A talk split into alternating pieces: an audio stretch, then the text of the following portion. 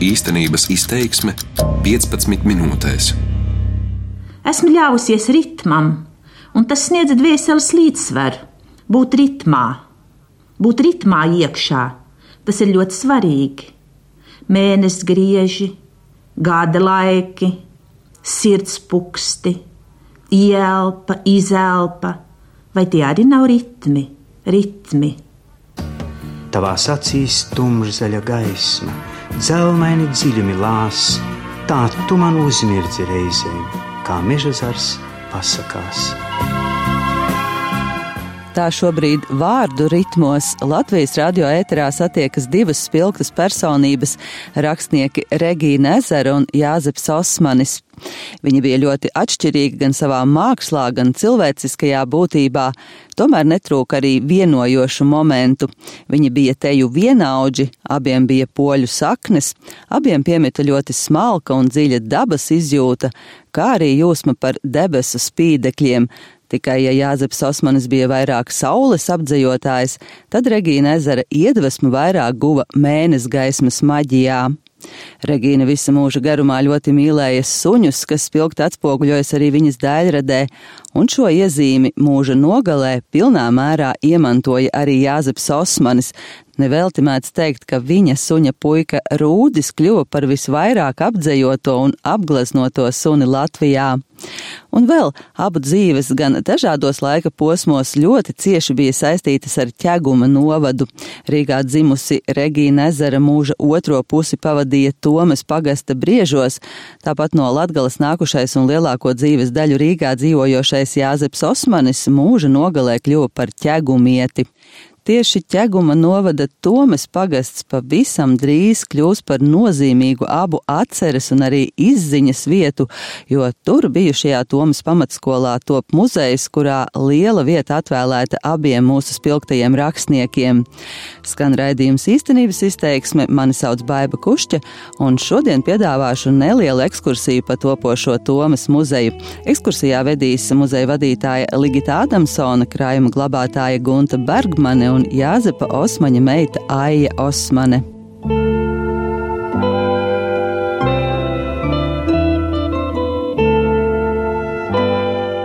Pirms sākam topošā Tomas muzeja apskati, muzeja vadītāja Ligita Adamsone rosina aiziet uz Tomas kapiem, kur atdusas Regīna ezera. Izrādās, ka apsēta ir turpat blakus muzeja ēkai. Tā ir neliela rāma un klusa vietiņa, kurā skan vienīgi koku šalkšana vējā. Droši vien arī tieši tāpēc Regīna ir šo vietu izvēlējusies, jo viņa ir īsta dabas mīļotāja. Un droši vien jau esat ievērojusi Regīnas darbos, ar vienu ar vienu atskan meža motīvs, dabas motīvs, ēgļu motīvs. Man ārkārtīgi patīk. Regīna saka, ka ēgles skan kā ērģeles. Un tad man vienmēr ir šī patīkamā sajūta, jā, ka tieši te, šeit, kur Regīna guļ un apkārt muzejam, Vējš taču spēlē egļu ērģeles, un tas ir tik atbilstoši Regīnai. Tāda atmosfēra, kas ir piemērota Regīnas dvēselē, ļoti liels gandarījums. Nu, lūk, mēs esam atnākuši pie Regīnas ciemos. Tā kā Guntiņa nāca lūdzu uzliet svecītes. Atpakaļ ceļā uz muzeju Ligita Adamsone stāsta, ka darbs pie muzeja izveides un abu personību izpētes viņu ievelk un aizrauj aizvien vairāk. Regīnas ezeras personībai tuvina piemēram tas, ka arī Ligita bieži uz darbu dodas ar stopiem un gluži tāpat kā Regīna satiek ļoti interesantus personāžus. Jo viegli taču strādāt, ja tu esi uz šī sajūta viļņa. Jo tu jau esi iekšā tajā pašā procesā, tajā pārdzīvojumā, tajā sajūtu muzeja mozaīkā, ko viņa ir jutusi, rakstījusi, iedzīvinājusi savos darbos. Pati Regīna Ezera savu stopēšanas pieredzi bieži vien piefiksēja savā dienas grāmatā, pārvēršot aizraujošā tēlojumā. Lūk, viņas pašas stāstītais 2002. gada grāmatu svētkos. Ja es kādu nostopēju, interesantu cilvēku, kāds saskari bija, kāds viņš izskatījās, kāda bija situācija, tad es neju gulēt, kaut arī man tas ir neizdevīgi. Man vajadzētu aiziet gulēt. Es sēžu un tā kā tāds tēlojumu vai mazu novelīti aprakstu tos piedzīvojumus, lai gan tas nav tā tīksmināšanas ap savu personu.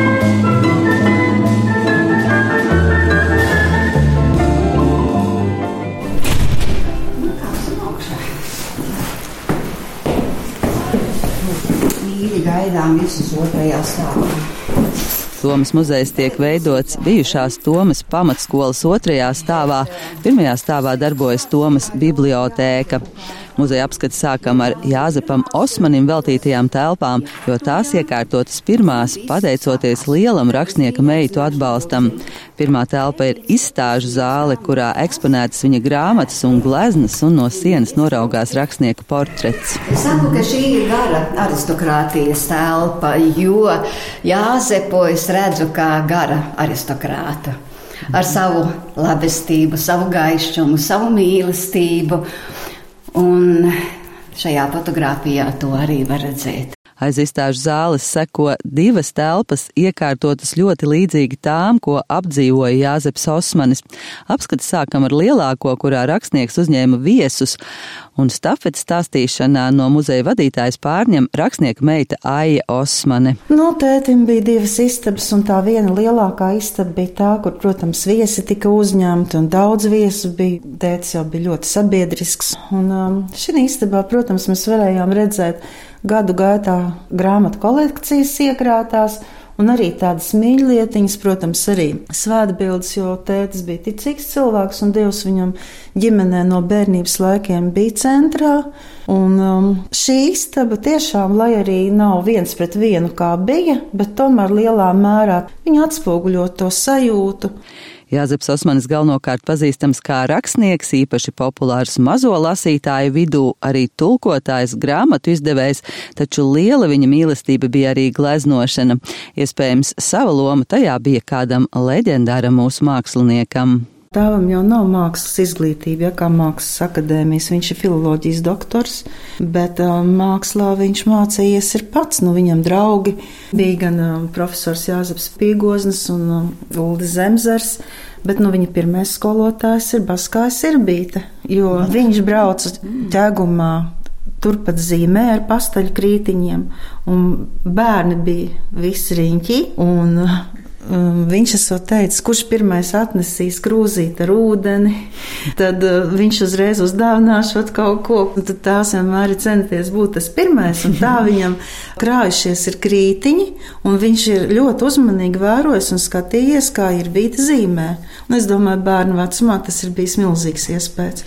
Pirmie glezniecības darbi tapa mācoties universitātē, tad ilgus gadus viņa uzmanības centrā bija rakstniecība, līdz mūža nogalē skaistās Daugavas un ķeguma apkārtnes iedvesmots Jāzeps Osmans atkal atsāka gleznot. Un apmēram kādus 10, 15 pēdējos gadus tā aktīvi, jo tad, kad viņš vairāk nevarēja tā kārtīgi rakstīt, viņam arī sākās veselības problēmas. Un tad kaut kā tā Glaznošana palīdzēja visas tās jūtas un visus tos dzīves pārdzīvojumus izteikt uz papīra vai molberta. Glezniecībai Jāzeps Osmanis veltīja arī pantus, ko Latvijas rādio uzklausīja viesojoties pie viņa ķegumā 80 gadu jubilejā 2012. gadā. Dzīvē daudziem ir svarīgs paisums un bēgums. Man dzīvi nosaka Rīga un ķegums. Šī vieta man svēta te man bērnības sēta, ar daugā pasmeltu saules staru, es rakstītu un glaznot varu. Īpašas uzmanības vērtas ir arī skaņas, kas skan Jāzepa Osmaņa lasītajam dzējolim fonā, proti ar tām sev piesaka suņuks Rūdis, kuram arī dzēnieka dzīvē bija ļoti svarīga loma un kurš ar milzīgu mīļumu portretēts ļoti daudzos zīmējumos un arī dzējoļos. Vienkārši mēs jau vienmēr uzskatījām, ka opītis ir jauns. Nu, redzēt, pienāk tomēr tie gadi, kad nav vairs tik ātras tās kustības un vajag kaut kā stimulēt, lai cilvēks vairāk kustās. Un tad mums bija tā doma ģimenē, ka, ja tētim būs suns, nu tad viņš noteikti ies ar sunu katru dienu ārā un tas viņu spiedīs vairāk tā kustēties. Nu, tā gadījās tas rūdis. Un, nu, tā draudzība viņiem sanāca tik cieši, ka tad, kad tā aizveda pēdējo reizi no ķēguma uz slimnīcu, suns vispār pēc tam negāja pie bļodas un nēda. Nu, pārdzīvoja. Bet nu, tagad suns ir ļoti labās mājās. Mm -hmm. Jā, un interesanti bija, ka pirmo reizi atbrauca uz muzeju tēta palīdz, kas ilgstoši viņam arī palīdzēja ikdienā Terēzi. Un tagad ienāk Terēzi iekšā, es saku, Terēzīt, nu, kā tad ir, vai ir līdzīgi? Viņa saka, Viss jau ir, bet nav tā grūdis uz dīvāna. un, un tad viņa piegāja, paņēma rūda portretu un nolika uz dīvāna. Viņa teica, rūdim ir jābūt uz dīvāna.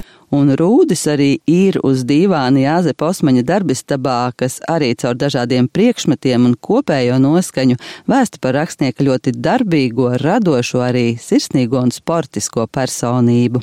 Nu, mēs te nekādus zeltus un diamantus neredzēsim, bet toties es domāju, šeit var noteikti noprast, ka cilvēkam bijušas svarīgas attiecības ar dievu ģimeni. Mīlēts ir sunīts. Un šī ir ļoti jā. skaista glezna, vai jūs atpazīstat gleznas galvenos varoņus? Tā jau tās būs abas meitas, jā? jā. jā. Nu, jā, tas ir um, bērnībā mūsu um, ar māsu gleznoja Ulda Zemzers. Interesanti šķiet šī fotografija Jāzeps kopā ar Arturu Irbi. Arturs uzdāvināja savu hokeja Pats uzrakstīja veltījumu dzīvolīti Jāzepam. Atstāšu jums savu vāli, lai jums piedod dzīvei sāli. Pašam Jāzepam Osmanim gan bērnu, gan pieaugušo dzējoļos ļoti mīļš tēls bija saule. Lūkā viņš pats kādā radio intervijā atbildēja uz jautājumu, no kurienes viņam tik daudz saules. Sauli es atceros no bērnu dienu zemes, no Latgales ezeriem, no Naujienas un Indras saulēktu un rietu pamalēm, no Daugavas spoguļu ķegu ezerā. Saule pasmelt arī tautas dziesmās, lielā raiņa dzējā un mūsu teiksmanā dzintara starojumā.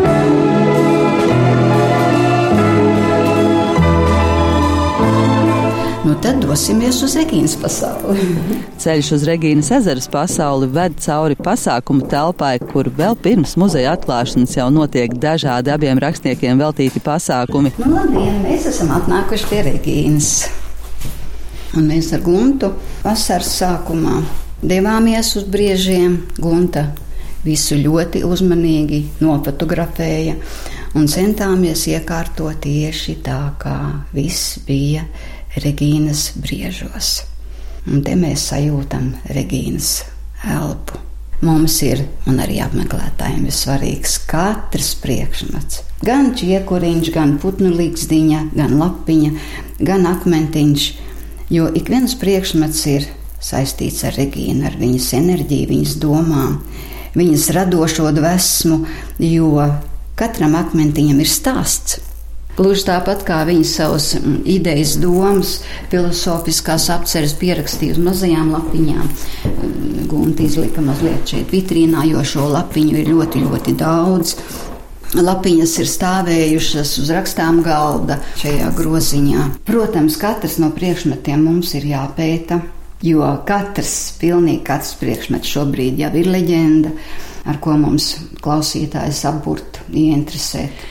To, ka muzeja jau tagad piepilda abu personību starojums un enerģija, atzīst muzeja krājuma glabātāja Gunta Bergmane. Katru rītu atnākot, man sajūta tāda, ka es sasveicinos gan ar Regīnu, gan ar Osmani, jo ir tā sajūta, ka viņi ir šeit. Pieskaroties viņu lietām, pētot, jo ir gan jāapraksta, gan jāsaglabā, gan jāuztur tie visi priekšmeti. Man ir tā sajūta, ka viņi te ir kaut kur. Un es domāju, ka tas nepazudīs. Šobrīd nav konkrētu ziņu par abu personību kādu ciešāku saikni dzīves laikā, varbūt padziļināta pētniecība to atklās, bet muzeja veidotājs ir pārliecināts, ka Tomas muzejs šobrīd ir šo abu novadnieku īstā satikšanās vieta. Man tuvs ir traģiskais un komiskais roku rokā, un vai tas nav ļoti raksturīgi arī pašai dzīvei?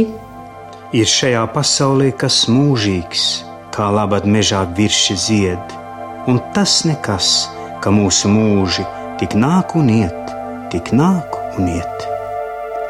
Tā Latvijas radiofonotēkā atrastas un vārdu ritmā savienotas skan abu rakstnieku Regīnas ezeras un Jāzepa Osmaņa balsis.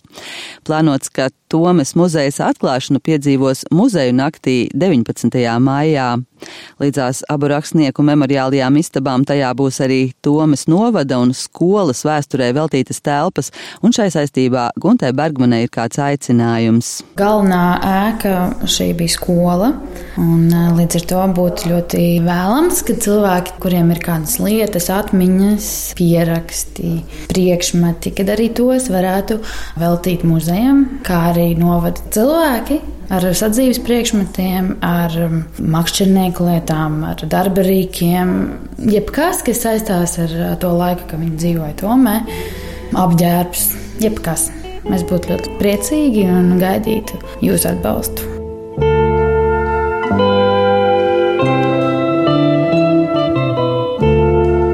Izskan raidījums īstenības izteiksme, kurā piedāvājām ieskatu topošajā Tomas muzejā. Raidījumu veidoja Baiba Kušķa un Renārs Šteimanis. Darbības vārds īstenības izteiksmē izsaka darbību kā realitāti. Tagatnē, pagātnē vai nākotnē, vai arī to noliedz.